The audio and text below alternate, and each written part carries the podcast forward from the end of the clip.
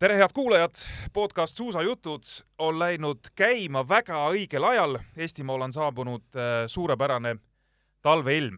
eelmisel nädalal, kui oli podcasti avalöök, hakkas ilma osas vaikselt looma. täna oleme juba tõelises äh, lumemöllus, aga see ei ole meid seganud stuudiosse jõudmast. mul on väga hea meel siin täna enda kõrval näha endist tippsportlast, kahevõistlejat ning suusahüppajat Kaarel Nurmsalu ja kahevõistluse ülekannete kommentaatorit, ise kahevõistlust harrastanud Heiko Heitorit. tervitused, mehed! tervist! tervist! nii, meie peamine fookus eh, saab täna olema kahevõistluse juttudel, kui eelmisel korral rääkisime murdmaasuusatamisest, siis täna eelkõige kahevõistlusest ja seda eelkõige kahel põhjusel. Kristjan Ilvese hooaja algus, mm, Kristjan on siis ju meie üks lootusi ka eelseisval olümpial Pekingis ja teine põhjus, eh, miks kahevõistlusest kindlasti rääkida sel nädalal, on Otepää maailmakarika etapp, mis siis eh, tuleb koju kätte reedel, laupäeval ja pühapäeval. Ja need punktide jagamised on siis laupäeval ja pühapäeval, aga reedel tegelikult antakse seal räpikontsertiga kõva avalöök, pluss siis ma saan aru, et reedel on seal ka mingisugused eelvõistlused või kuidas, Kaarel, neid siis päriselt nagu nimetatakse, et see on siis see võistlus, kus ka ei tohi ebaõnnestu-, ebaõnnestuda, sellepärast et selle tõttu võib hiljem jääda äh, mingi nii-öelda punktivõistlus lausa võistlemata. jaa, see, selle asja nimi on PCR, nagu, no, nagu test, test. et selles jah. mõttes -hmm. seal ei saa põruda, et kui see on nagu negatiivne, siis, siis, siis on nagu selles mõttes meie mõistes kehvasti. Et äh, PCR siis on proovivõistlus, provisional competition round, mis tähendab siis seda, et seda kasutatakse juhul, kui mõnel päeval ehk siis laupäeval või pühapäeval hüpata ei saa siis reedene võistlus läheb arvesse kui, kui hüpetevoor antud päeva suusavõistluseks. jah, et see on siis ainult, reedel on ainult hüpetevõistlus, eks? ainult hüpetevõistlus mm, -hmm. jah. jah, see, see nagu loogikas selles mõttes on okei okay,, aga teisest küljest, kui tõesti tulebki see moment, on ju, et äh, nüüd jär-, sellel õigel päeval on mingi tuulejama ja siis hakatakse midagi tagasi kerima, noh et, et see kuidagi tundub natukene ka ebaaus, kui mul juhtub. Äh, kehva võistlus, pühapäeval tegelikult tulen superhoos, onju, ma ei tea, lendaks ja möllaks ja suusataks ja siis öeldakse, kuule mees, et et tegelikult me kasutame neid kahepäevaseid tulemusi, kus olid noh, ma ei tea, läks kehvasti või diskvalifitseeriti või mis iganes. et, et suusahüppajad ise on või kahevõistlejad ise on sellega siis kuidagi leppinud, et nii ongi õige ja need on reeglid ja need me oleme kokku leppinud no ma arvan, seda, seda saab vaadata nagu väga mitmest äh, aspektist, et üks on sportlane, üks on meedia, üks on tele, noh, selles mõttes, kui me võtame sportlase aspektist, siis tegelikult põhiline on see, et saaks äh, võistelda kaks võistlust nädalavahetusel. kui reedel nüüd disklahvi saad, siis loomulikult see sportlane mõtleb, et jumala eest, et no see võistlus arvesse ei läheks. teine asi on see, et kui me mõtleme televaatenurgast, siis äh, ühest küljest, kui võistlus venima läheb, siis ega seda PCR-i nagunii näitama ei hakata, sest siis on teleaeg ammu juba lõhki. aga kui on näha pikalt enne seda nii-öelda mingi laupäevast võistlust, et okei nüüd tuleb halb ilm, siis selle võistluse saab ikkagi võtta kasutusse ja lasta telesse, justkui nagu kõik olekski päriselt nii.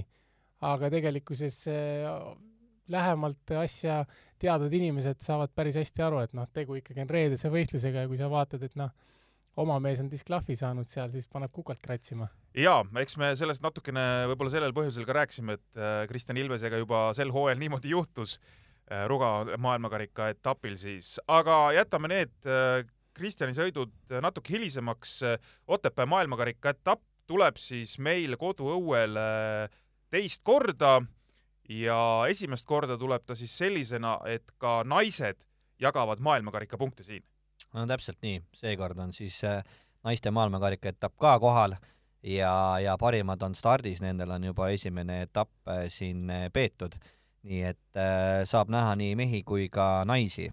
ja, ja alustavad siis, nagu juba räägitud sai, et reedesel päeval kõigepealt on seal ametlik treening, kaks hüpet, ja siis tulebki see PCR ehk eelvõistlus, mida on siis tegelikkuses võimalik ka kõigil neil inimestel, kes piletit äh, ei, ei saa osta, siis äh, neil on äh, võimalik Piletilevist null pilet osta, nii-öelda ära ennast registreerida, Covid tõend peab kindlasti olema ja seda on võimalik siis vaatama tulla sinna Tehvandi hüppemäele. ma olen aru saanud, et meil on võistlustules kaks meest, eks, Kristjan Ilves ja tema noorem vend Andreas Ilves, aga naisi meil stardis ei ole.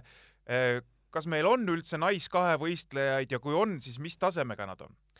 Anne-Marii Pendi on see, kes täna tegutseb, aga temal on olnud ka tervisemured siin, ma mäletan, et seljaprobleemid olid siin juba suvel, et, et see, see, seepärast tema siis nii-öelda ilmselt stardis ei ole, et aga muidu tegutsetakse ikka ja, ja noorte karikasarjades on ka tegelikkuses väikseid tüdrukuid ikkagi peale tulemas, nii et.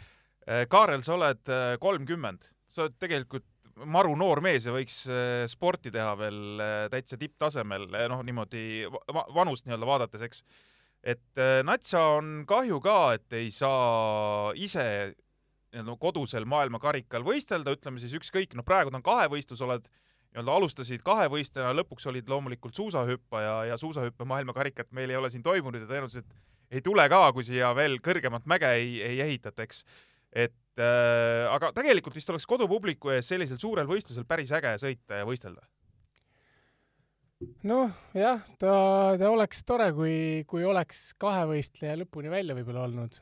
et tegelikult sellega on sellel aastal niisugune päris üllatav äh, asi juhtunud üldse minu ja kahevõistleja, kui niisugune karjääri tagasi vaadata, siis sain jaanuarikuus teada, et mul on terve elu astma olnud et kui nüüd tagasi vaadata, siis jumal tänatud, ma varem ei teadnud, muidu ma poleks hüpetesse võib-olla üle läinud aga, aga nüüd, kui ma mõtlen, et kui ma olekski kahevõistlusesse jäänud, siis äh, natukene fantaseerida, siis loomulikult oleks äge võistelda kodus.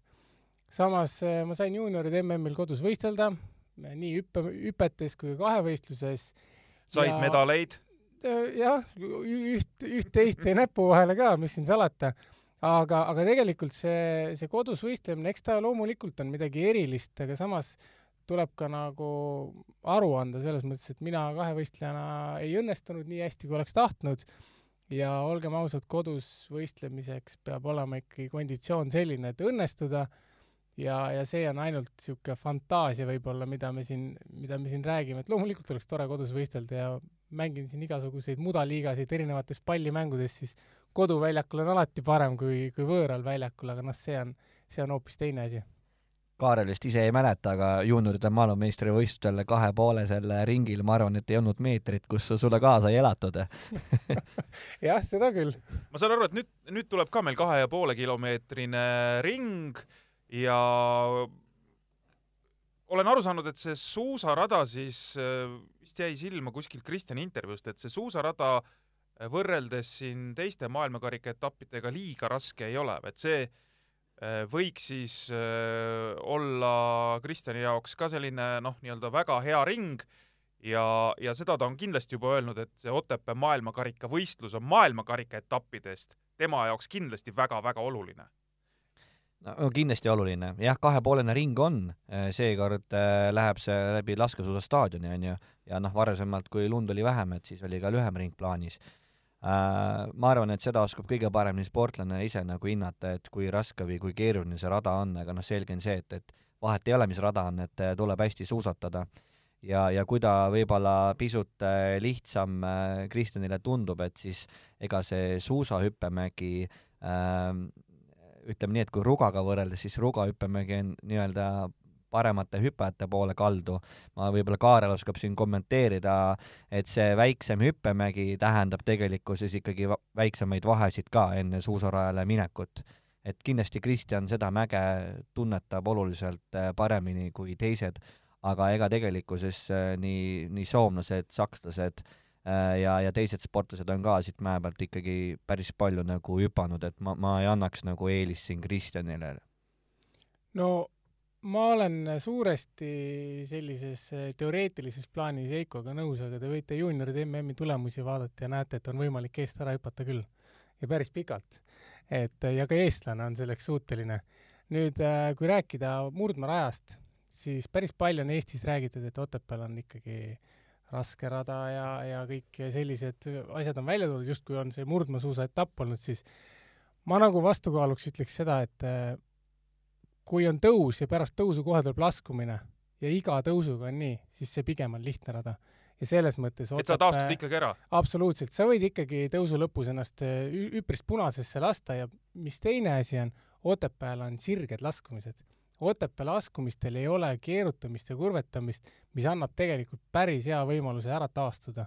et äh, ma pigem ütleks, et Otepää rada on selline suht okei okay,, on lihtsamaid radasid, aga kindlasti on palju-palju raskemaid radasid ja hüppemäe pealt võib-olla on see, et äh, üheksakümnesel jah, jäävad väiksed vahed sisse, see on, see on, see on tõsi.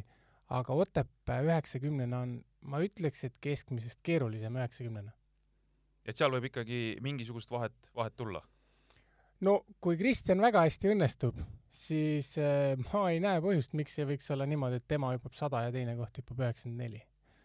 et, äh, et see, see tegelikult kõik on võimalik kui nüüd selle aasta võistlusi vaadata, Kristjani võistlusi, siis äh, tundub, et, et äh, võrreldes varasemaga võib-olla noh, sellist äh, maksimumhüppekindlust nagu ei ole, et ta on, tundub siin eel, eelnevatel hooaegadel mingitel perioodidel justkui paremini hüpanud, aga suusasõidus on ikkagi vunki juurde tulnud, et, et kui seesama, see neljas koht nüüd võtame Rugalt et siis äh, suures pundis sees ikkagi finišeerida ja spurtida seal eesotsas ja jõuda seda teha, see näitab, et äh, noh, mees on valmis heitlema väga kõrgetele kohtadele. Kindlasti, Kaarel seda võistlust jälgis ka ja kommenteeris, aga ma tooksin nagu Kaar-, tooksin Kristjani puhul välja siin nagu paar asja, mis sa siin mainisid, see suusahüppe pool Äh, pigem on olnud äh, stabiilne, aga ma näen, et Kristjanil on tegelikkuses seda võimekust äh, suusahüppe mäe peal veel natukene paremini teha. et ega need hüpped, mis täna on siis talle neid kõrgeid kohti toonud, ega need ei ole ideaalsed olnud.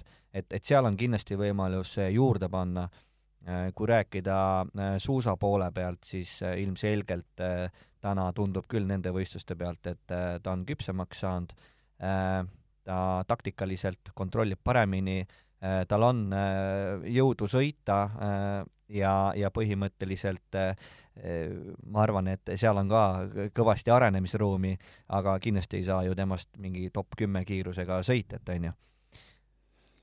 ma olen nõus selles mõttes, et on näha, et Kristjan on suvel trenni teinud ja, ja õigesti on treenitud. no norralased oleks ta lahti lasknud muidu sealt, kui ta poleks nendega trenni teinud. aga, aga hüpete poole pealt ma tegelikult äh, võib-olla niisugust kaks äh, huvitavat psühholoogilist äh, võib-olla, ma ei tea, kas fakti või niisugust mõtte, mõtet on see, et esimene Kristjan Rugal neljapäeval diskvalifitseeriti, ehk tegelikult päris keeruline oli minna reedel starti.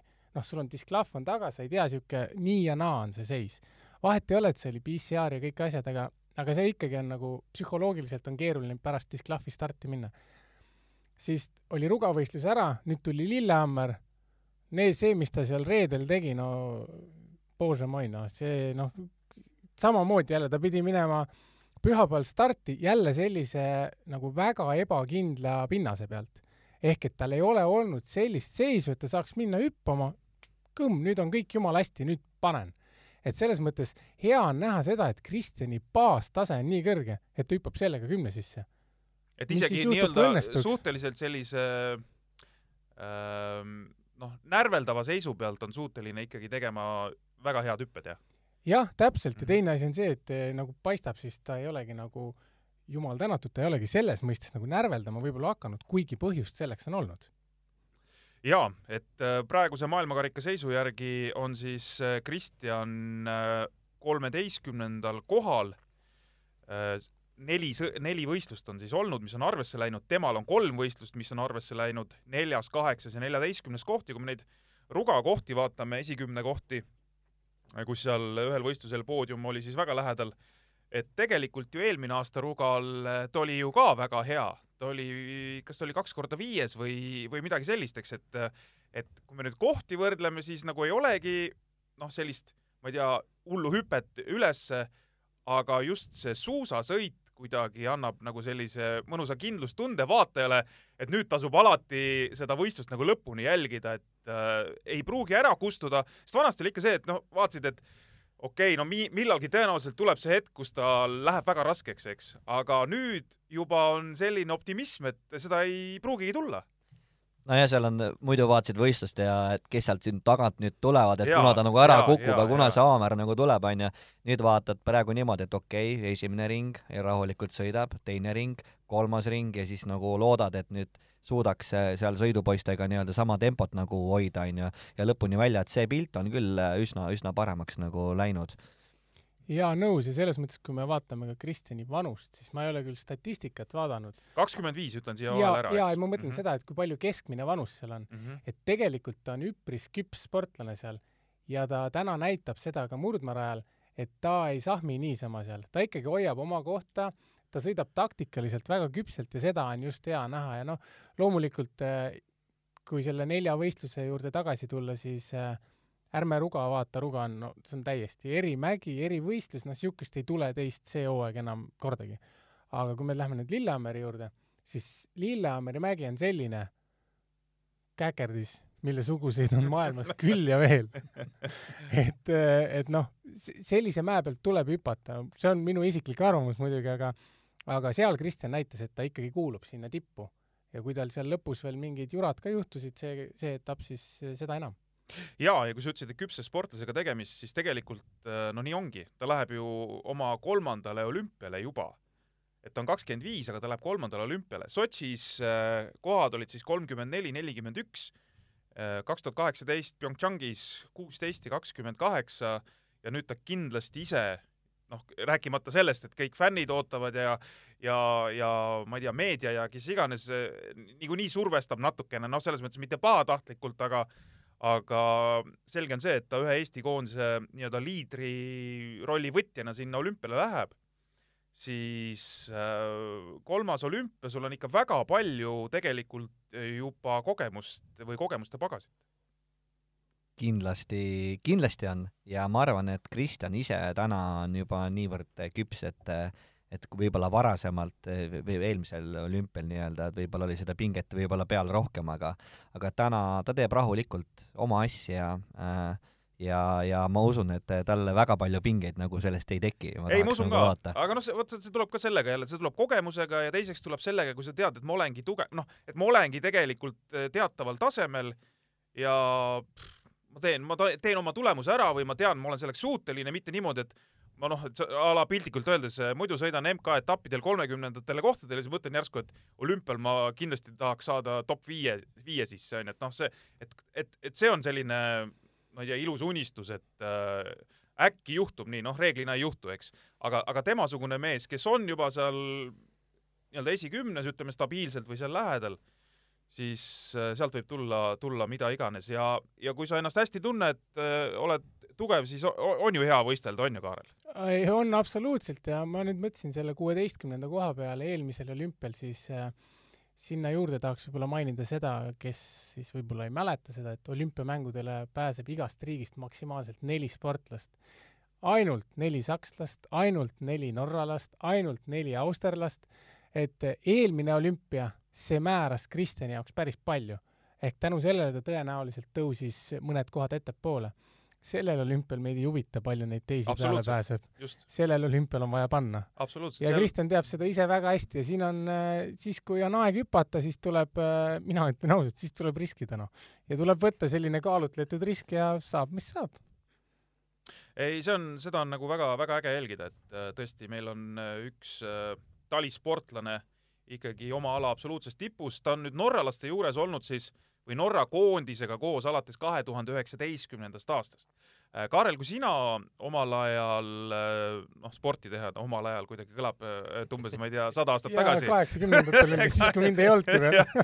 et äh, sina olid Soome koondisega vaata seotud, eks, et äh, kuidas seal see võõrsil elu siis ikkagi on, noh, selles mõttes võõrsil, et okei okay,, ma saan aru, norralased kõik räägivad, et täiesti oma mees, Kristjan on täiesti oma mees ja, ja loodetavasti nii ongi ja, ja, ja tõenäoliselt selles mõttes ka on, et, et kui ta kuidagi tekitaks mingisuguseid pingeid või mingit halba olukorda, siis mõistlikum on ikkagi oma koondis sellest jamast säästa, onju, ja, ja see mees noh, kas siis viisakalt või mitte viisakalt kõrvale tõsta. sina olid soomlaste juures enam-vähem samamoodi, et, et kuidas siis, kuidas siis ikkagi on seal? no Kristjanil enne seda hooaega ei olnud sellist põhjust, et teda kõrvale tõsta. me ei tea, mis saab selle hooaja käigus. Et kui ta hakkab stabiilselt norralasi edestama, siis võib minna jamaks. me ei ole seda veel, see kõik räägitakse, et ta on oma poiss ja täiesti sada protsenti, kuulge, veri on paksem kui vesi, lõpetame selle jutu nüüd ära.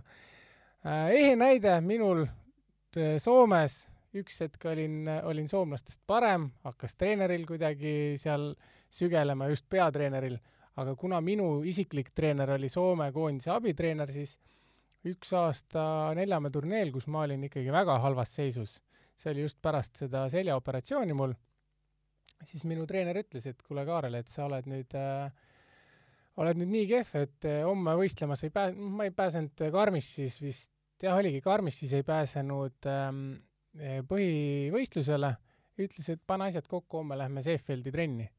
siis peatreener ütles, et kuule, et abitreener, kus sa lähed nüüd niimoodi, ütles, et ma ei tea, lase lahti et selles mõttes minu pluss oli see, et mul oli seal tegelikult oma treener. mul oli seal reaalselt oma inimene olemas, kelle jaoks number üks olin mina.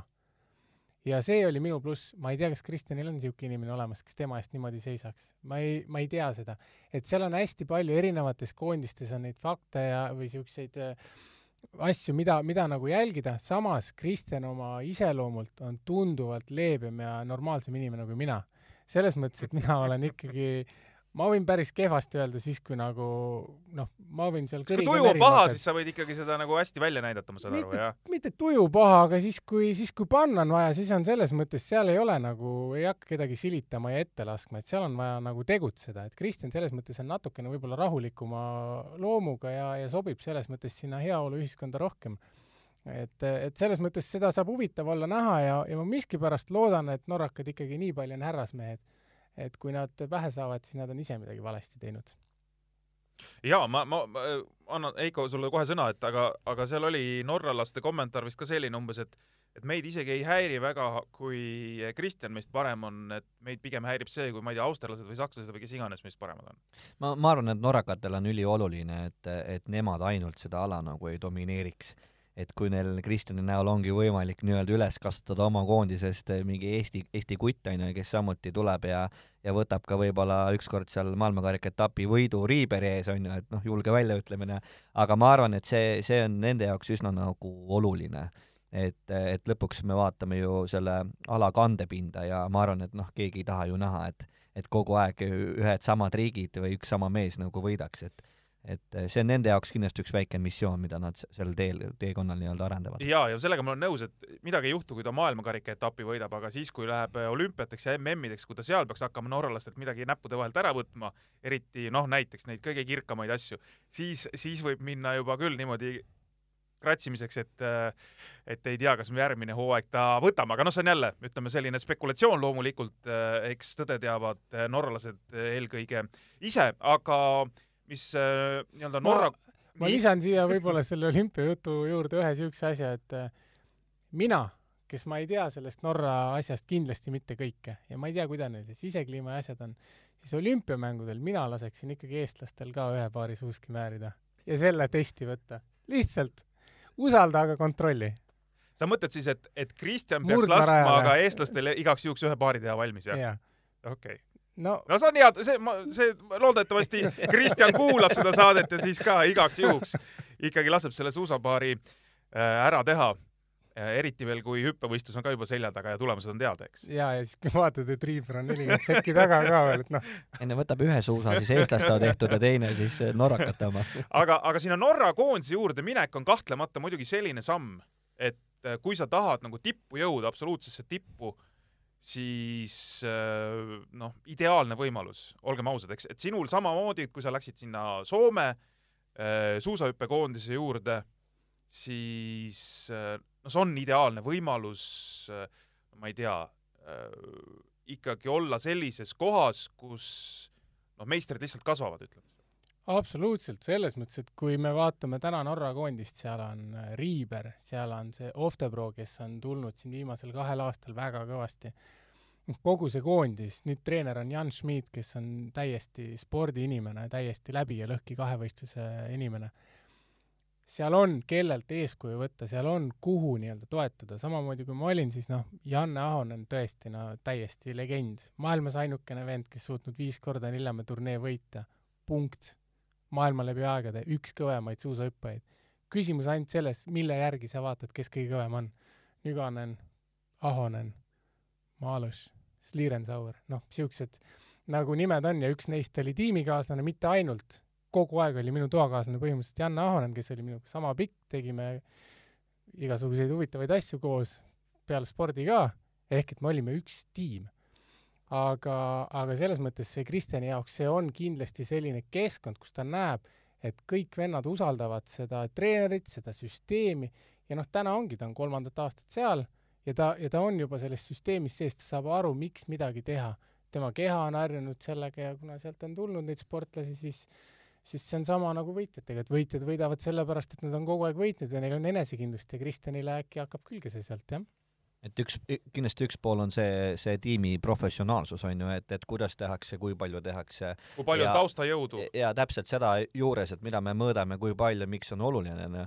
ja ma arvan, et teine pool ka, et, et mis nagu Eesti sportlastel võib-olla, ma ütlen, et suusahüppajatel ja kahevõistlejatel on vajaka jäänud, et see mingi tiimitunne ikkagi, et sa koos nagu tegutsed, oled, et muidu, muidu tihtipeale on see olnud niimoodi, et üks treener läheb kusagile ühe, ühe poisiga või kahe poisiga, on ju, et et see eh, tiimis olemine on üsna hea, et noh, ma arvan, Kaarel oskab ise paremini rääkida, et sellest, täitsa nõus, jah. jaa, ja sellest tiimist veel, et ma sain äh, Kristjani mingisugust intervjuust äh, aimdust isegi ütleme sellisest tõsiasjast, et äh, nad täpselt ei hoomagi, kui palju neid taustajõudusid on, sest kui tuleb mingisugune probleem, mida noh, nii-öelda see personal ära ei lahenda, et on näiteks niivõrd spetsiifiline, et äh, need, kes on kuskil laagris või, või ma ei tea, nii-öelda võistlustel, siis järsku on olemas inimene, kes tegelikult hakkab sellega tegelema, et, et mingid varjatud taustajõud nii-öelda, kogu aeg on keegi kusagil valmis või olemas, et kui tekib noh, ma ei tea, mingisugune äh, teistsugune probleem, kui nii-öelda reaalselt eeldatakse, et võib tulla,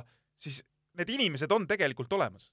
et süsteem on noh, nii, nii nii-öelda paksult ehitatud, et sa saad kasutada noh, põhimõtteliselt keda iganes.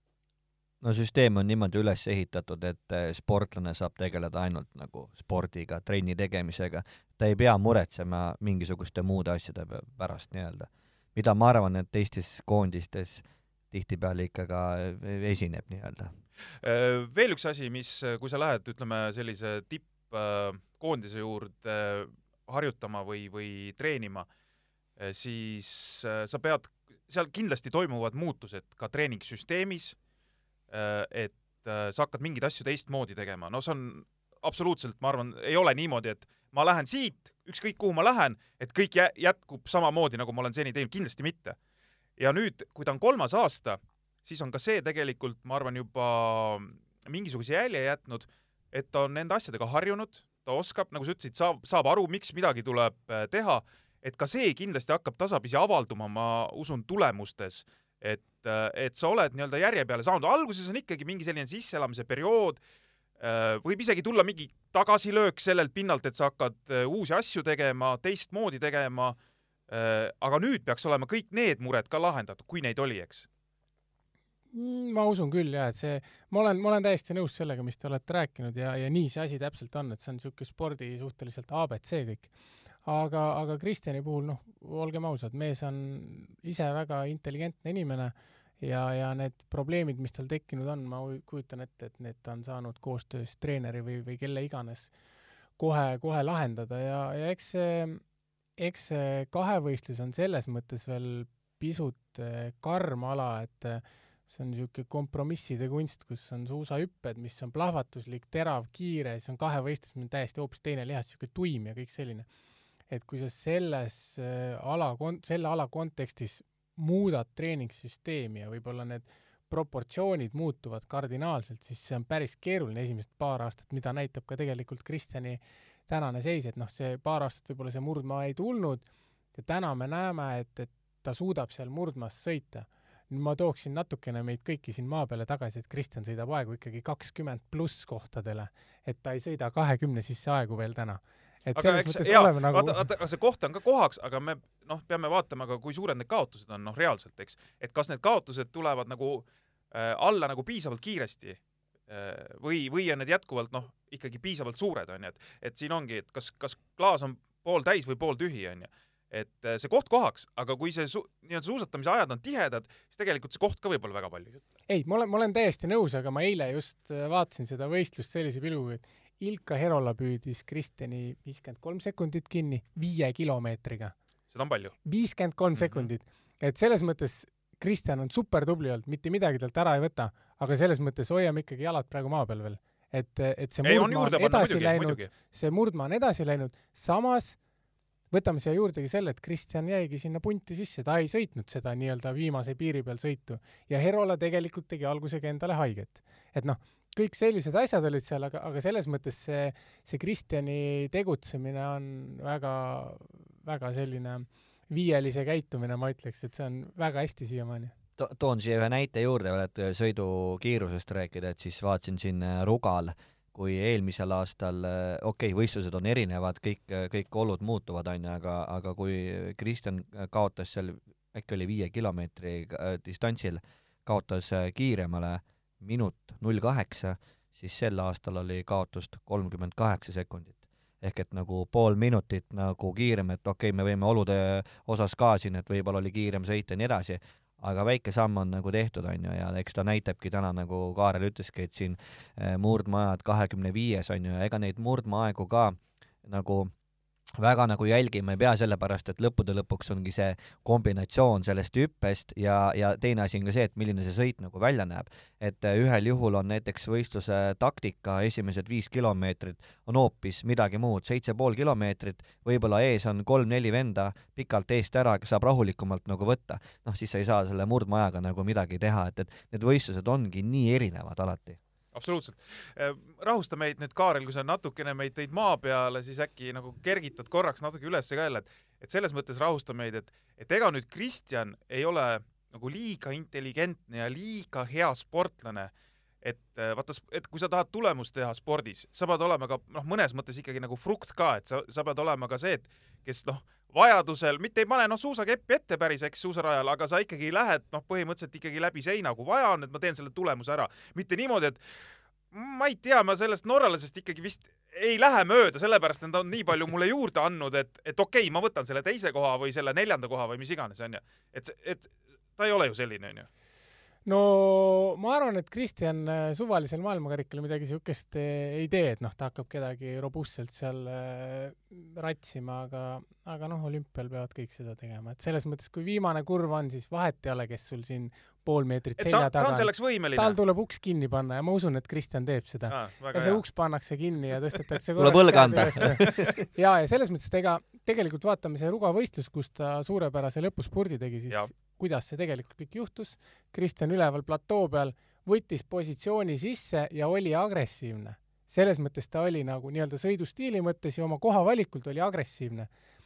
kui tuli tõus, ta andis seal ka ja tegelikult päris ülbelt ja laialt ikkagi, et ei, ta ei söksinud seal omaette kuskil nurgas või taga, et ta päris no ikka õigesti toimetas seal ja ja see andis mulle ka selles mõttes nagu siukse tegi hingele pai, ma vaatasin, et noh, Kristjan ikkagi selline vihaselt andis ja, ja loomulikult see, tal on olemas see sportlane sees, aga ma mõtlen inimesena just see, et ta võib-olla enne hüppeid võib-olla teeb delikaatsemalt neid asju kui mina.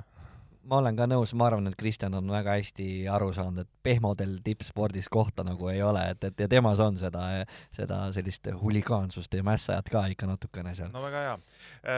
Kuidas meil äh, siin teiste kahevõistlejatega lood on, et äh, Andreas, nagu me ütlesime, Andreas Ilves siis, mis ta meil on, neli aastat noorem äh, Kristjanist, võistleb ka maailmakarika etapil, kodusel maailmakarika etapil nüüd nädalavahetusel, aga tema on siis ikkagi äh, kodune harjutaja või? teate te mehed? Nemad, ma tean seda, et meie noored, mitte ainult siis Andreas Ilves, aga Robert Lee ka, kes praegu vigastusega kimpus on, et eh, tegelikult eh, nemad ka kasutavad siin eh, norrakate erinevaid plaane ja tehakse koos laagreid ehk et, et nemad on ja, ja siin kodus harjutavad ja käivad ka nagu väljas. Et kui sa küsid, et millises konditsioonis Andreas on, et mida me temalt nagu MK-etapilt loota võime, siis ega ma jään vastuse võlgu, et ma tean, et Andreas on alati väga tubli suusamees olnud, et kindlasti mida vanemaks saab, et et seda, seda paremini hakkab nagu sõitma ka, aga ma tahaks nüüd loota, et et kindlasti hüppepool on ka natukene edasi arenenud.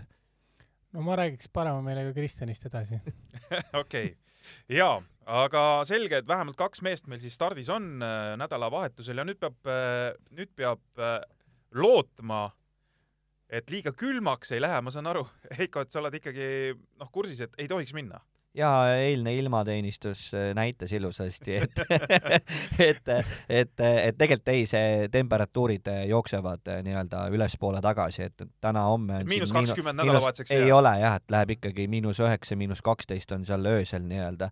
ja noh, see, see ei ole nagu see temperatuur, mille pärast nagu muretsema peame, et see oleks ikka päris nukker, kui see räpipunt peaks niisuguse külmaga esinema. jaa, see, see oleks kõige kurvem, on ju, selle asja juures, et kui räpimehed peaks miinus kahekümnega räppima. aga ma tahtsin, ma tahtsin öelda, et, et võib-olla see eh, temperatuuri pool, et sellepärast ma ei põe, aga, aga meil on ju eh, MK-etapid eh, ka hüppevõistlused on ära jäänud tuule tõttu et eh, tuuleprobleemid eh, Tehvandil on olnud ka juunioride maailmameistrivõistlustel oli, kus need, eh, kasutatigi seda eelvõistlust nii-öelda, et pigem on, pigem on see pool, aga, aga noh, ma ütlen, et kunagi ei tea, et mis see ilmataat teeb ja, ja ütleme niimoodi, et siin Kaarel on ka mitmel korral välja toonud ja tegelikult me teame, et see Otepää mägi on ka võib-olla selline, et eh, saab seal natukene suurema tuulega ka hüpata, et tegelikult ei ole häda midagi, kui see seal kaks pool, kolm meetrit sekundis see on, et võib-olla isegi teinekord neli meetrit, et meie poisid on harjunud siin nagu hüppama. et oluline on lihtsalt see, et need, kes seda võistlust läbi viivad, et siis nad ei laseks ennast natukene häirida lasta sellele mm. jaa, selle Otepää hüppamisega, hea, et Heiko selle välja tõi, eh, number üks loomulikult eh, tuul ja see, et Otepääl tõenäosus, et PCR läheb kasutusse, on väga suur alati. me ei tea kunagi, mis see järgmine päev tuua võib. teiseks, mis on Kristjani eelis siin mäel, Kristjan teab seda, et kui üleval tornis tuul tahab suusad käest ära viia ja treener lubab alla hüpata, siis nuki kohal tuul ei ole nii hull, seda ei pea kartma. aga paljud sportlased, kes sinna torni tulevad, see hüpe mhm. on tornis juba tehtud mm. -hmm seal on jänes püksis, mõnel on võib-olla midagi muudki ja, ja selles mõttes see, see mägi on hästi karm sportlasele just selles plaanis, et ta on ju täiesti vaba õhu käes mm, -hmm. puudest tunduvalt kõrgemal ja see tuul puhub seal palju tugevamalt. ja tihtipeale just eelkõige need sportlased, kellel hüpe võib-olla ei ole nii enesekindel ja hea, nad hakkavad põdema ja siis on see hüpe on läinud. nii et äh, ikkagi noh, on, on kasulik tunda seda mäge, ma saan aru, ja, ja seda spetsiifikat siin, nii et äh, selles mõttes noh, jah, nii ja naa, nagu sa ütlesid, et, et võib-olla suurt eelist ei, ei pruugi olla, aga samas midagi ikkagi jälle sõltuvalt oludest jälle võib olla, eks. jaa, aga no ma ütlen, et paljud seda või äh, seda mä mäge mäge ikkagi mhm. teavad, et juunioride maailmameistrivõistlused, siin on kontinentaalid toimunud, maailmakarikaetappe, Põhjamaa, jah, et, et siin juba, juba noorena on käidud siin mäe peal. ja kogu maailma tipp, ma saan aru, tuleb siia kohale, eks, et siin ei ole niimoodi, et keegi noh, jätaks tulemata, kõik ässad peaks olema kohal. üks riik jääb tulemata, ülejäänud kõik on kohal, et poolakad ei, ei tule mingisugusel põhjusel, et võime arvata, mis see võib olla, aga, aga muidu on jah, kokku oli vist viisteist riiki ja, ja kusagil sinna saja sportlase alla nii-öelda koos meeste, koos naistega kokku, nii et, et kõik kõige kõvemad kahevõistlused on ikkagi kohal ja, ja tasub äh, kindlasti vaatama minna, noh, tõesti, koorekiht on siin olemas, ma saan aru, et need piletitega selles plaanis, korra segasin sulle, Kaarel, vahele, aga sa saad kohe mõttega jätkata, et äh, seal on vist limiteeritud arv meil äh, sel korral seonduvalt siis nende kor koroonareeglitega, eks ju? jaa, et, et kiiremad saavad veel pileti endale osta, onju, et ühe päeva, kahe päeva piletid ja ja lihtsalt, mida ma ka alguses ütlesin, et need, kes tahavad seda eelvõistlust tulla vaatama või ametlikku treeningut, et siis nad peavad ka selle nullpileti endale ostma, onju. aga õhtune avamine, mis kell seitse algab reedel, sinna siis saavad ainult need tulla, kes on endale kas ühe või kahe päeva pileti Pilet. soetanud, nii et et, et see, see hetk, kui Viis Miinus selle, selle koha seal kuumaks tõmbab nii-öelda, räpib, et, et, et siis, siis peab ikka pilet olema taskus, onju jaa äh,, riikidest, kes siin käinud on, võib-olla huvitavamad, ma tean, et sakslased, nad on isegi suvistel Eestikatel võistelnud. lahtised Eestikad olid jaa, Frenzel ja kõik olid kohal. jaa, ikka täis, ikka kõva punt oli koos. siis äh, Riiberi käes on olnud kunagi mäerekord isegi äh,, noh, juunioride maailmameistrivõistlustel on mingisugune punt võistelnud suht suur osa Stefan Kraft näiteks jah, no okei okay,, tema kahjuks ei tule, onju, et ta vist, ma ei tea, suusatab ilmselt küll, aga mitte just liiga kiiresti tõenäoliselt äh, Seidl oli siin, Kreiderer oli minu teada siin, äh, noh, see punt oli päris korralik austerlaste poole pealt, just noh, sakslastest muidugi Rütsek oli siin, tegi uut ja vana kõigile Pro kindlasti on siin, ma mäletan, on käinud. Äh, jaa, et, et selles mõttes väga-väga arvestatav ja noh, kui me mõtleme siis Eesti, Soome ja Norra, siis noh, Põhjamaade noorte meistrivõistlused on nii mõnegi mehe siia toonud. Äh, räägiks natukene sellist äh, teoreetilisemat juttu ka või, või miks, miks see kahevõistlus kuidagi on siin läbi aastakümned Eestis olnud selline ala, mis ikkagi noh, toodab nagu tippe või siit tuleb nagu, nagu tippe Äh, võtame siit alates viiekümne kuuendast aastast on ju, kui esimene Eesti mees äh, käis äh, olümpial, Uno Kajak. siit edasi on ju neid olümpiamehi päris, päris mitmeid. Ja, ja Allar Levandi ka olümpia pronksi koju toonud, eks, aastal kaheksakümmend kaheksa ja nüüd on meil jälle selline selles mõttes tippmees, et seal kõrges konkurentsis, et et kas, kas me, kas meil on kuidagi see traditsioon nii kõva, on meil see teadmine, kuidas seda ala tuleb teha või või miks, miks õnneks, miks meil neid mehi ikkagi tuleb? no minu versioon on see, et äh, olgem ausad, suusahüpped on igal pool mujal ikkagi nii palju number üks ala. et äh, kahevõistlusega tegelevad need, kellel suusahüpetes võib-olla natuke vajaka ja kes on nagu ka murdma poolega sina peal. loomulikult see ei tähenda seda, et, et nagu seal on ebaõnnestunud suusahüppajad kõik, ei kindlasti mitte. ebaõnnestunud sportlased otsivad väljundit, sa ei tahtnud seda öelda? ei, absoluutselt, sellepärast et äh, Ristle Fabian ja Johannes Rüütsek on võistelnud isegi Davosi murdmaasuusatamise maailmakarikal. Et, et noh, nad küll ei teinud seal mingit tulemust ja noh, Davos kõrgel ka ja noh, ei ole koht, kus nagu võrrelda selles mõttes. aga, aga võib-olla Eesti on jah, selline ta on selline kuldne kesktee, et eh, meil on siin võimalused murdmaad korralikult treenida, aga mitte sellel nagu täiesti, täiesti murdmaasuusataja levelil, et noh, kogu aeg oled kõrgmäestikus ja nii edasi ja nii edasi. suusahüpetes samamoodi, kahevõistlus on traditsiooniliselt olnud hüpatud väiksema mäe pealt.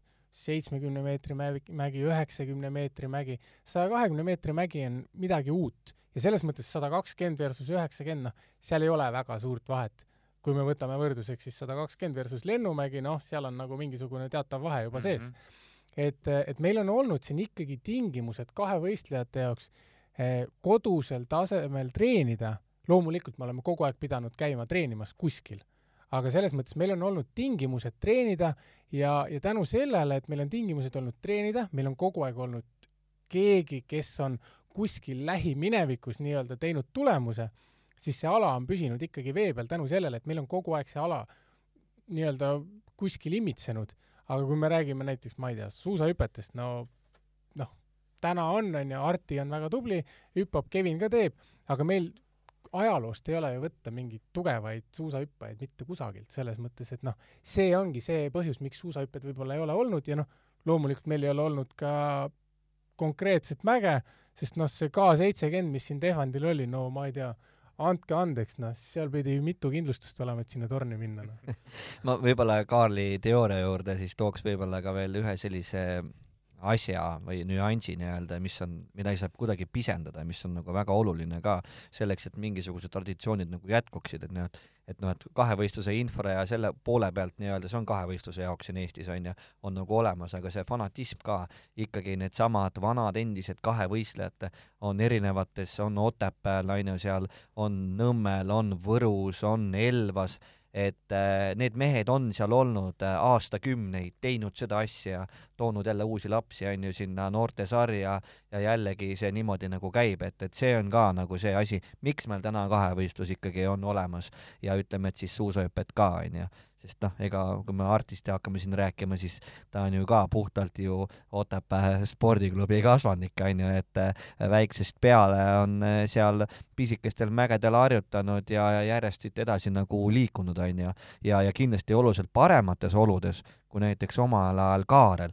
Kaarel oli sellisest kohast pärit, no kus suusahüppeid väga ei olnud, suusahüppemägisid väga ei olnudki, onju, et ülikeeruline, ma mäletan, ma mäletan siis, kui veel Saku Suveroll oli, ma nägin Kaarel Nurmsalu hüppamas, ta hüppas Tehvandi seitsmekümne meetri peal, ta oli nagu tugitoolis, noh, seal aerodünaamilisest äh, asendist polnud äh, haisugi, hüppas sinna logo peale lihtsalt, käis pikali maha jälle ja, ja, ja niimoodi oligi, onju. ja näed, mehest sai suusahüppaja, poleks uskunud, onju. ja, ja ma sain aru, et sa tegelikult sinna suusahüppetorni esimest korda jõudsid päris hilja, jah? ma olin jah, ma nüüd jään võlgu, minu arust ma olin kaksteist aga jah, kogemata mingi märtsikuus vanaema juures olime, isa ütles, et hüppemäele tahad minna, ma ei teadnud, ma polnud suusahüppest kuulnudki midagi. siis läksin, vaatasin, ütlen davai, anna suusad, ma panen alla, aga, aga siis seal pidi Nõlva sõitma ja siis, kui ma olin Nõlva paar korda sõitnud, ütlesin, et saab torni minna.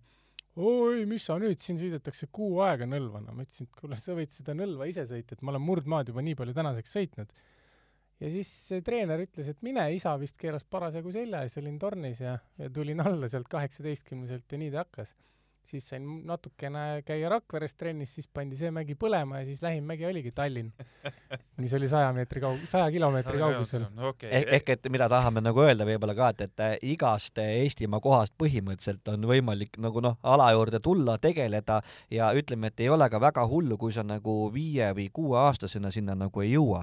et tuled ka natukene hiljem, ütleme niimoodi, et kui sul nagu tahtmist on ja kui on niisugune toetav perekond ka, on ju, ja treener ka nii-öelda, et siis tegelikkuses on, on võimalik äh, seda taset ikka nii kõvasti tõsta siin. jaa, aga eks need, kes need sinna suusahüppetorni sinna üles ronivad, need parajalt hullud, on muidugi, et kes sealt äh, alla tulevad, aga kui sa oled harjunud seda tegema ikkagi üsna väiksena, siis ma, siis ma isegi saan aru, et see on, seda ma on siin, täitsa võimalik ma siin teha. korra tooks ühe näite, mida ma olen kõikidele öelnud, kes on öelnud, üritanud mulle väita, et suusahüpped on hulljulgetele, siis ma ütlen, et ei ole.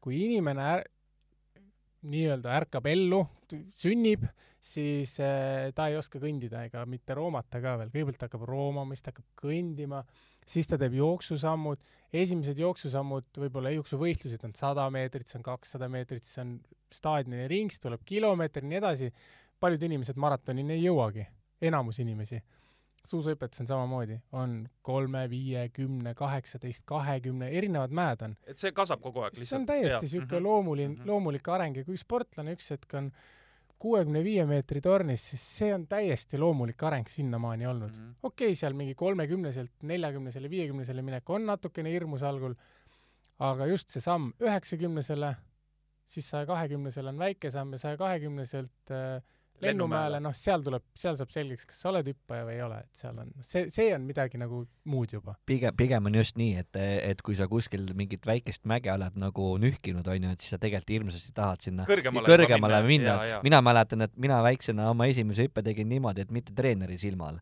et äh, pidin Nõlva sõitma kogu aeg ja siis äh, hommikul läksin varem kohale, võtsin suusad, läksin torni ära ja siis ma mäletan, et ma olin üleval seal juba ja siis äh, äkki nagu treener tuli kaugelt, nägi, aga ma tulin alla ära juba aga, aga räägime siis natukene ka siin äh, saate lõppu suusahüpetest selles vaates, et äh, Arti Aigro meil ka maailmakarikasarjas kaasa teeb. Ja vaatasin, meil on siis viis võistlust olnud maailmakarikasarjas äh, praeguseks äh, Venemaal Nižni Tagilis olid siis esimesed etapid, Soomes Rugal ja, ja Poolas nüüd Wislas ja Arti kohad on olnud siis kolmkümmend seitse, nelikümmend kuus, siis äh, ei saanud tulemust kirja kaheksateist ja kolmkümmend neli. et äh, mis need tulemused räägivad? kaheksateist, väga kõva koht.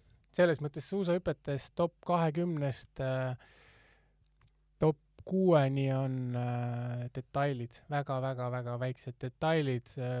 see võib tähendada puusaasendit äh, hüppemäe otsa peal neli-viis sentimeetrit õigemasse kohta ja hopsti, top kümme, top kuus. et see on väga kõva tulemus äh,. nagu need tulemused räägivad, siis võib-olla stabiilsust on natukene vähe ja, ja eks tal on ka seda maailmakarika kogemust tegelikult piisavalt ei ole ja mitte ainult maailmakarika kogemust, aga teise hüppe kogemust. et äh, eestlastel on tegelikult selline mm, mõnevõrra halb on see, et me oleme eh, nii nõrgad suusahüpetes ajalooliselt olnud ja meil ei ole suurt koondist, ehk me ei pea võitlema selle eest, et saada maailmakarikasarja. me saame kontinentaalis punktid ja siis me läheme kohe maailmakarikasarja. aga kontinentaalis seda teist hüpet, mida austerlased, sakslased saavad nii palju enne seda, kui nad lähevad mm -hmm. juba maailmakarikale, neil on nii palju kogemust teiseks hüppeks ka, et neil see ei ole maailmakarikal enam mingisugune probleem. aga eestlastel see kipub probleem olema ja siis on sellist nagu, niisuguseid häid hüppeid palju teha on keeruline, et sähvatada suudab eestlane, aga just seda kahte tugevat hüpet, aga Arti on näidanud, et ta üks päev selleks on suuteline, sest tegu on ikkagi nagu super, super, super andeka tüübiga. Võib-olla siia juurde siis, mis minu jaoks need äh, tulemused ütlevad täna see, et, et noh, okei okay,, et võib-olla see hüppeliigese vigastus, et äh, annab natukene nendele tulemustele fooni, tahaks nagu öelda, eks ta natukene on nagu häirinud, aga samas see kaheksateistkümnes koht, et äh, annab seda lootust, et okei okay,, et äh, asjad lähevad ilmselt paremuse poole nii-öelda ja seda, seda hüpet mis vähemalt siis viib, ütleme nii, et nagu esimesse, nii-öelda teise vooru, on ju, et, et seda ta oleks suuteline tegema, et, et see on nagu hästi oluline. ja muide, väga huvitav on äh, maailmakarikasarja üldtabel hetkel. Äh, kolmekümne kaheksandat, kolmekümne üheksandat kohta jagab siis äh, Arti, aga tema selja taga on koheselt selline mees kui Simon Amman, kes on nelikümmend tänasel päeval, neljakordne olümpiavõitja siis jah, aga endiselt ka pusib seal mäe peal ikkagi paneb ka. see, see mees paneb ka. no olümpiahooaeg on, eks. kvalifikatsioonis pani ju päris hea hüppe siin ja sest ma ütlen teile, et äh, Amman on ennemgi teinud neid trikke, et tuleb olümpia, noh, elu on näidanud, et tema olümpiad õnnestuvad ikkagi seal sellel mandril, kus on äh, nii-öelda Põhja-Ameerika onju, et, et äh, Vancouveris ja Salt siis Salt Lake City's ehk et see manner sobib talle natukene võib-olla rohkem. samas äh, Hiina on ka piisavalt kaugel siit Euroopast, et mine tea, võib-olla tal on mingi selle distantsiga mingisugune suhe ja piloodiga tegemist on, et tahab võib-olla pikemalt lennata, enne kui võistlema jõuab. aga see on huvitav, et mees, kes siis esimest korda tuli olümpiavõitjaks kaks tuhat kaks, et siiamaani hüppab ja noh, muidugi neid suusahüppajaid me teame siin ju igasuguseid jaapanlasi ka, kes noh, põhimõtteliselt ei tahagi ära lõpetada, et et niikaua kui elavad, nii kaua hüppavad, eks. Ja... Nor Norjaki Kasai see kõlab päris julmalt praegu, aga nii ta kahjuks on, jah. aga, aga seda, seda ala siis on ikkagi võimalik ka teha, noh, ütleme sportlase iga arvestades ikkagi kõrge eani. no tegelikult äh, need on ikkagi erandid, et äh, ma pigem ütleks, et äh, näiteks hokit teeb tunduvalt kauem, hokis tuleb see kogemus ja selline vilumus ja see väljaku nägemine, kõik sellised asjad. suusahüpetes ikkagi teatud vanuses see, see reaktsioon, põrge, plahvatus, kõik see, ta ikkagi läheb alla ära ja noh, see Kasai tehnika oli lihtsalt selline, et Kasai on niivõrd hea lendaja, ehk see lennufaas on tal nii tugev, et, et ta suurtel mägedel tõesti, ta oli suuteline paar aastat tagasi siin väga hästi lendama, no mine hullu tea, ta võib veel oota, kas Noriaki, kas sai ka praegu veel võistleb maailmakarikasarjas? muidugi. ei no maailmakarikasarja ta ei ole saanud, ta ei ole võistkonda saanud ah,, okay. aga Jaapanis ikka võistleb, et noh, ta ütles, et tema ei tema ei jäta jah, tema jonni ei jäta jah. ta on ju Guinessi rekordite raamatus, ta on vist äh, kaheksa olümpiat äh, osalenud äkki, äkki või? et see võiks tal nagu üheksas olla, et mina nagu hoian pöialt, et äkki mehel see vormikõver nüüd tõuseb, onju. et aga jah, pigem on need sellised legendid, kes nagu nii kaua seda teevad kusjuures selle Kasaiga oli huvitav asi, ma ei mäleta, mis see täpne number oli, aga ta tegi üks suvi kas kakskümmend või kakskümmend viis hüpet. ehk et tal oli, fookus oli hoopis mujal. ta on hüpanud nii palju, tal pidi lihtsalt kehaga nii palju rohkem tegelema. et polegi vaja äh, väga enam äh, hüpata tuled ja, tuled ja teed, et seda need, hüpet on nii palju olnud juba, eks? Need mehed hüppavad mhm. peas mm, -hmm. nad teavad mm -hmm. neid mhm. mägesid ja olusid ja, ja peas lihtsalt harjutavad ja lõpetuseks ikkagi jälle kodune maailmakarika etapp Otepääl kaks tuhat üheksateist siis esimest korda siin toimus ja kui ma nüüd ei eksi, ma omast arust vaatasin täpselt, et Jarl-Magnus Riiber võitis toona mõlemad võistlused. kas seekord läheb samamoodi või seekord läheb kuidagi teisiti ja, ja mida võiks oodata siis äh, Kristjanilt selles mõttes, et noh, ilma mingisuguseid pingeid loomulikult kellelegi peale panemata, aga aga mis see seis praegu nagu tundub, et mis sealt võiks tulla? Ma ütlen kohe kaks nime. Ütleme niimoodi, et jaa, Riiber on ülitugev, aga ma tahan seda öelda, et äh, Riiberile on äh, samm lähemale ka tehtud, et tegelikult on täna seal ikkagi Lamparter äh,, ülihea mees. Äh,, samuti Frenzel näitab, et äh, olümpiahooajal ta on päris heas vormis, kindlasti siin äh, ma ei tea, Weber juurde tuua. äh,, et äh, tegelikult noh, Öftepro ka on ju, et tegelikult neid äh, kandidaate siin äh, esimesele kohale on, on üsna palju, et, et ei julgeks küll täna talle medalit ette kaela ära nagu riputada. ma olen täiesti nõus, ma ise ennustamisega või see panustamisega väga ei tegele, aga kui ma peaksin panustama, siis ma panustaks, et ta mõlemat võistlust ei võida. sest see mägi on pisut omapärane ja tegelikult tõesti see hooaeg on näidanud, et äh, see vahe Riiber ja teise koha vahel, see on ikkagi palju väiksemaks läinud ja vaatame lihtsalt protokolle, natuke analüüsime. Lamparter on parem suusataja, kui on Riiber. ja kui Lamparter saab nüüd jala sinna otsa taha, siin Otepää mäel, ja Riiber seda ei saa, siis on krõska aga, aga Kristjan, vaatan kaks aastat tagasi on kodus olnud äh, suhteliselt tagasihoidlik, kolmkümmend viis ja kakskümmend kaheksa. Nojah, et ja äh, lihtne üle teha. kusagilt ju pe- kusagilt ju pead alustama, et et ega need äh, hüpped ka, mis tal toona olid, et ega need ju no see oli see äh, muutuste hooaeg ka, vaata ta läks esimest hooaega Norrasse, ma ja noh, et et seal on mingis mõttes need tagasilöögid ikkagi sisse kirjutatud või ütleme selline, et sealt ei toimu kohe mingit hüpet kusagile kõrgustesse. kui ma ei eksi, siis samal hooajal ta Rugal äh, esimestel võistlustel ta tegi oma selle vastlaliu ka kohe ära, et ta hüppas seal üheksakümne meetri peale ja ja ta oli üsna ebastabiilne, onju. et, et selle, sellepärast ka võib-olla nii-öelda tagasihoidlikud tulemused, aga ma arvan, et need kohad äh, Kristjan teeb kindlasti üle et, et pigem, pigem tahaks seda näha aga tema top poole. kümmet näeme ka, eks? Eh, ütleme niimoodi, et kohti ei taha välja nagu käia, aga mina tahan, noh. mina ta-, mina tahaks seda näha, et, et ta oma sellise hea hüppe teeks ära, et siis on nagu kõik võimalused, et ma, miks mitte ka poodium, miks mitte. ma olen ise selles mõttes äh, võtnud endale selle õiguse, et mina ei pea, mina ei pea tagasi hoidma ennast, ma võin ennustada ja rääkida, mis ma tahan, et Kristjan ei pea kuulama neid intervjuusid ja asju, mis tema kohta räägitakse, aga kuule, aga ei peagi, oota, nüüd kodus top kümme, noh. jaa, ma korra nüüd, ei peagi või tegelikult ei tohigi. Mina ei tea, mina küll lugesin kommentaariumi sellepärast et kirjutasid ise oli juurde veel midagi? ei, ei, ei, ma ei kirjutanud ise mitte kunagi, aga ma lugesin sellepärast, et seal on nagu fantastilise huumorimeelega inimesi. see on lihtsalt, küll minu kulul tehti nalja, aga, aga noh, mul pole enda kulul nalja tegemine kunagi nagu haiget teinud. ja no reaalselt seal on ikka väga häid nalju, et noh, inimesed, kellel on see kriitikataluvus on kehva, nemad muidugi ei tohi.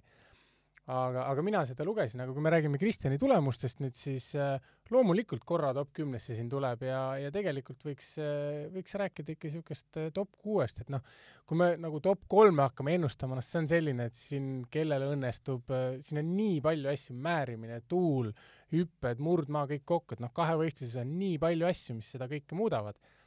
et aga mina loodan küll, ega ma muidu sinna kohale ei läheks, kui Kristjan nii hea ei oleks. ja, ja päris lõpetuseks mehed, me rääkisime korra sellest kandepinnast äh, just ka selles valguses, et äh, ka norralased äh, tahaksid, et seda kandepinda oleks, eks. maailmakarika etapp oli võistkonnavõistlus Lillehammeris, seitse riiki. suht õhuke. kurb. ja üsna õhuke küll tõepoolest, et ma arvan, et siin on ka FIS-il vaja paremat tööd teha nii-öelda, et rohkem riike nii-öelda pardale nagu saada.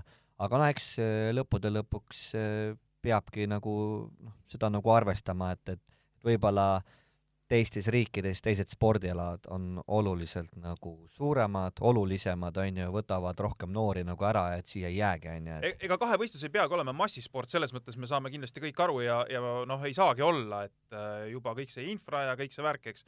aga teisest küljest äh, noh, ma ei tea, vi-, viisteist tunduks oluliselt parem, oluliselt ägedam number kui seitse. no kahevõistluses ma ei tea, kaksteist on äkki see, mida minu silmad mm -hmm. näinud on, aga, aga siin küsimus ongi selles, et see, esiteks see ala on ühest küljest kallis, see infra, et sul kodus see olemas oleks, see on kallis ja, ja kui me võrdleme näiteks suusahüpetega, siis suusahüppajatel maailmakarika sportlane sõidab maailmakarikale, võistleb ära, sealt tuleb tagasi, tal makstakse kõik kinni, talle makstakse päevaraha ka veel.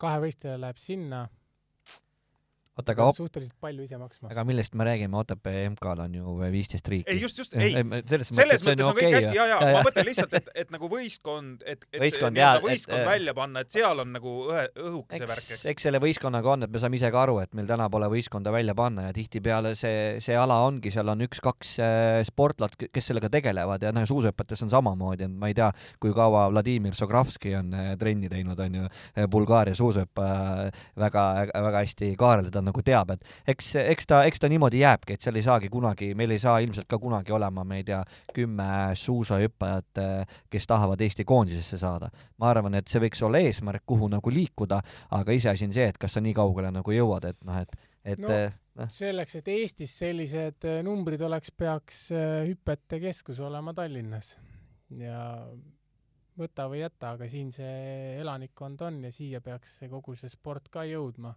Võtame ükskõik mis pallimängude ala, igal pallimängu meistriliigas on enamus on Tallinna klubid, ma küll teen võib-olla mõnele pallimängualale no, nats, teed liiga, aga, aga põhimõtteliselt jah, aga... siin on ikkagi ka ikkagi väga tuntav osa. No kindlasti ma olen nagu nõus Kaarliga, et täna Tallinnas on see potentsiaal realiseerimata, et ma arvan, et kindlasti tehakse head tööd, tehakse Otepääl, sest noh, seal on hästi palju teisi alasid ka, on ju, talialad, et, et need noored sinna jõuaksid, on ju, Võrus samamoodi, Elvasse äh, ja, ja siis äh, siin Tallinnas, et siin Tallinnas on kõige rohkem võita, on ju, aga ma arvan, et seal see, see areng tuleb, kindlasti on vaja siia panustada uuteks suusahüppemägedeks, see infra sinna juurde, et oleks hea riideid võimalik vahetada, oleks võimalik rahvusvahelisi võistluseid läbi viia, et sul oleksid sellised ruumid, kuhu sa noh, väliskülased piltlikult Äh, julged nagu panna, on ju, ja noh, ka kohtunikud on ju, et, et, et seda on vaja uuendada, aga ma arvan, et siis Tallinnal oleks ikkagi väga suur äh, potentsiaal siin. Aitäh, mehed, nende mõtete eest, nende juttude eest, mis te siin täna rääkisite, ootame siis põnevusega nädalavahetuse maailmakarika etappi, te olete sinna minemas? jaa kindlasti ja, kutsun, kutsun kõiki äh, eestimaalasi ka sinna, et äh, ma arvan, et täna nagu tulla Kristjan Ilvest äh, vaatama, kaasa elama, et kõige magusam periood, et ta on üsna heas hoos ja, ja ütleme niimoodi, et, et saab sellise väga hea emotsiooni osaliseks. Absoluutselt, eestlastel on DNA-s ju siin lähiajaloost veel see murdmaasuusatamine ja tegelikult te saate näha ikkagi koha pealt, kuidas suuskadega hüpatakse, no ma ei tea, kas ma sadat meetrit julgen lubada, aga üheksakümmend viis, kuus, seitse tõenäoliselt ikka hüpatakse täis. kindlasti ja, ja võib-olla, mis ma veel tahaks välja tuua, et äh, ma mäletan, et kui, kui esimene kord see MK-etapp toimus ja kui seal õhtul oli avamine ja kus need lõkked pandi seal süüdati nii-öelda, siis tegelikult väga paljud inimesed, kes tulid, ütlesid, vau, ma pole kunagi käinud, siin on nii lahe ja, ja seda suusahüppevõistlust vaadata, et all on ju ekraan ka nagu olemas. et tegelikult inimesed ei ole harjunud suusahüppemäel käima, aga kui nad nagu ära käivad, siis neile meeldib see ja see meeldib Kesk-Euroopas väga paljudele inimestele, tohutud inimmassid, ma ei tea, Slovanitsa, selle Planitsa lennumäel ametlikul treeningul on viisteist tuhat inimest juba kohal, et noh, et jaa, ma olen su jutuga absoluutselt äh, nõus, et äh, ka endal on õnnestunud tiitlivõistlustel neid äh, suusahüppevõistlusi ja kahevõistlushüppeid näha ja kõik need ekraanid ja värgid ja see möll, mis seal äh, kui see rahvas koguneb ja mis seal käib või, või kasvõi lahti maailmakarika etapil, et see on äh, elamus äh, omaette. aga tänud veel kord, tänud kõigile, kes kuulasid, need olid siis seekordsed suusajutud ja järgmisel nädalal on plaanis uus saade ja, ja vaatame, millest räägime siis. aitäh veel kord, kuulmiseni!